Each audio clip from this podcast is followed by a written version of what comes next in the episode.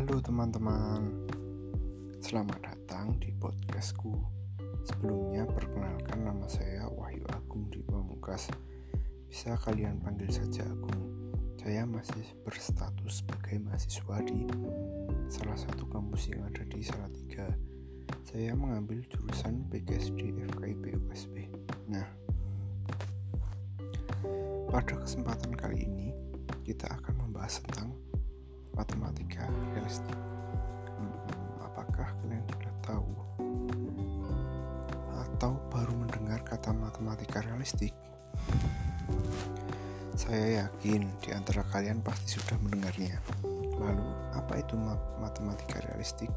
Nah, pada kesempatan kali ini kita akan mencoba membahas mengenai apa itu matematika realistik mengapa matematika realistik dan bagaimana matematika realistik. Nah, tujuan dari membuat podcast ini adalah um, menjelaskan ataupun menguraikan mengenai matematika realistik dengan media yang anti mainstream yaitu podcast. Ini adalah menjadi hal yang baru bagi saya. Hehehe. Kali ini saya memperoleh artikel ini dari artikel Wahyu Wahyudi yang berjudul Pembelajaran Matematika Realistik sebagai sebuah cara mengenal matematika secara nyata. Hmm, langsung saja ya teman-teman, masuk ke topiknya. Selamat mendengarkan. Matematika merupakan bagian penting dalam kehidupan sehari-hari. Akan tetapi, matematika sering kali menjadi momok bagi sebagian orang yang tidak menyukainya, termasuk saya. Hmm, matematika menurut saya mata pelajaran yang sulit dan banyak rumus-rumusnya. Padahal matematika adalah mata pelajaran yang wajib dikuasai oleh siswa karena matematika bisa mengasah cara berpikir siswa agar lebih kritis lagi. Nah, seharusnya mata pelajaran matematika dibawakan dengan cara yang lebih menarik dan mudah dipahami oleh siswa. Pembelajaran matematika realistik merupakan suatu pendekatan untuk belajar matematika. Gagasan matematika realistik pertama kali diperkenalkan dan dikembangkan di Belanda pada tahun 1970 oleh Institut Freudenthal. Teori ini mengacu pada pendapat Freudenthal yang mengatakan bahwa matematika harus dikaitkan dengan realita dan matematika merupakan aktivitas manusia. Dan ini sesuai dengan karakteristik dari pendekatan tersebut yaitu lebih aktif berpikir, konteks, dan bahan ajar terkait langsung dengan lingkungan sekolah dan siswa. Peran guru lebih aktif dalam merancang bahan ajar dan kegiatan kelas. Proses belajar matematika realistik menggunakan masalah kontekstual sebagai awal belajar matematika proses konsep matematika berawal dari dunia nyata. Nah, selanjutnya ini perubahan paradigma belajar melalui pembelajaran matematika realistik. Hmm, pembelajaran matematika ini masih bersifat student center yang memiliki ciri-ciri berikut ini. Hmm, ada empat. Yang pertama yaitu cenderung memperlakukan peserta didik berstatus sebagai objek kemudian guru berfungsi sebagai pemegang otoritas tertinggi keilmuan dan indoktriner. Yang ketiga, materi bersifat subjek oriented. Kemudian yang terakhir adalah manajemen bersifat generalistis. Nah, berdasarkan perubahan paradigma dan behaviorisme menunjukkan konstruktivisme, maka pembelajaran menekankan pada hal-hal berikut. Yang pertama, pendidikan lebih menekankan proses. Yang kedua, pendidikan diorganisir. Kemudian yang ketiga, pendidikan memperlakukan peserta didik sebagai individu yang memiliki karakteristik khusus dan mandiri.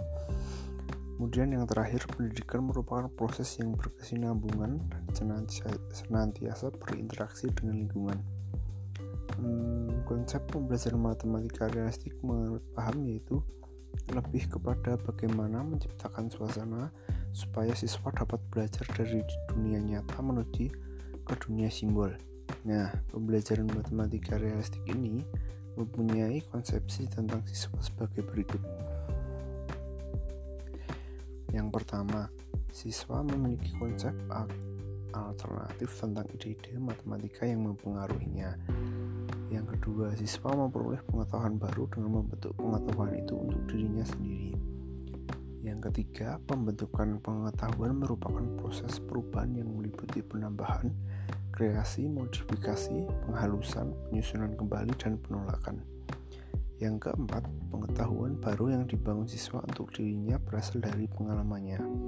Dan yang terakhir adalah setiap siswa tanpa memandang ras, budaya, dan jenis kelamin mampu memahami dan mengerjakan matematika. Pandangan inilah yang memungkinkan anak untuk dapat melakukan kreasi terhadap apa yang ia miliki, sehingga mendapatkan pengetahuan baru berdasarkan pengalaman mereka. Selanjutnya, di sini saya akan menjelaskan peran guru ya teman-teman. So, jangan mengantuk ya teman-teman. Hehehe. Nah, peran guru di sini adalah memandang guru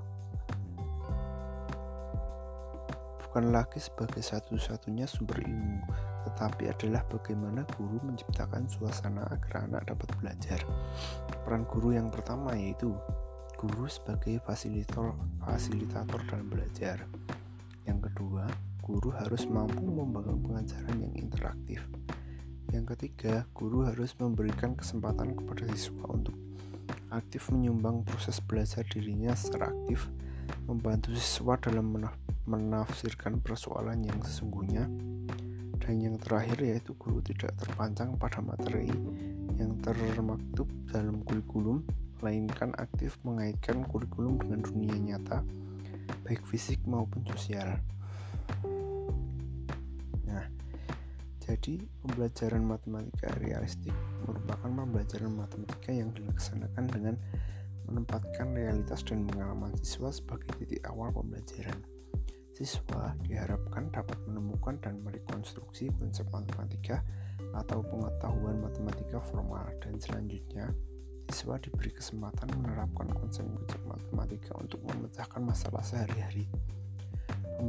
Pembelajaran matematika realistik ini berpusat pada siswa, sedangkan guru hanya sebagai fasilitator dan motivator, sehingga memerlukan paradigma yang berbeda tentang bagaimana siswa belajar, bagaimana guru mengajar, dan apa yang dipelajari oleh siswa dengan paradigma pembelajaran matematika selama ini. Jadi, Menurut saya, matematika realistik itu sendiri adalah metode di mana siswa diajak belajar matematika yang disangkut pautkan dengan masalah sehari-hari. Lalu, mengapa matematika realistik itu sangat menarik? Ya, karena model matematika ini sangat berperan sekali dalam meningkatkan pemahaman siswa terhadap pembelajaran matematika. Siswa menjadi lebih paham konsep yang diberikan oleh guru. Dengan metode ini, siswa akan lebih memahami materi karena di setiap pembelajaran yang berlangsung siswa seperti diajak menyelesaikan menyelesaikannya dengan mengaitkan dengan kehidupan mereka sehari-hari. Nah, untuk bagaimana matematika realistik itu untuk pengaplikasiannya yaitu misalnya nih pada materi bilangan bulat di sini saya mengambil contoh yaitu 3 dibagi setengah. Nah, dengan soal ini kita bisa mengasumsikan dengan makanan misalnya buah-buahan ya. Saya mengambil contoh buah apel. Misalnya buah misalnya Bayu memiliki buah apel sebanyak 3 buah. Pertanyaannya yaitu ada berapa setengah apel? Kalau Bayu memiliki 3 apel, jika ia bagi setengah berapa bagian apel yang ada? Penjelasan satu apel dibagi setengah akan menjadi dua apel. Jika ada tiga apel dibagi setengah maka akan ada enam bagian apel. Baru seorang guru bisa mengaitkannya kepada konsep pesahan pada soal di atas adalah enam. Kemudian inti dari yang saya sampaikan di atas adalah matematika realistik itu menarik sekali untuk diterapkan di sekolah karena matematika realistik menggunakan permasalahan dalam kehidupan sehari-hari sehingga sangat membantu siswa lebih mudah memahami dan tertarik untuk menyelesaikan masalah dengan menggunakan caranya sendiri. Hmm, sepertinya kita sudah di penghujung kesempatan ya teman-teman. Uh, hanya itu yang dapat saya sampaikan. Semoga di kesempatan selanjutnya saya bisa membahas mengenai matematika realistik secara mendalam. Terima kasih untuk kalian yang sudah bersedia meluangkan waktunya untuk mendengarkan podcast saya. Saya mohon maaf apabila banyak kata yang salah saat saya melakukan podcast. Semoga bermanfaat dan sampai jumpa.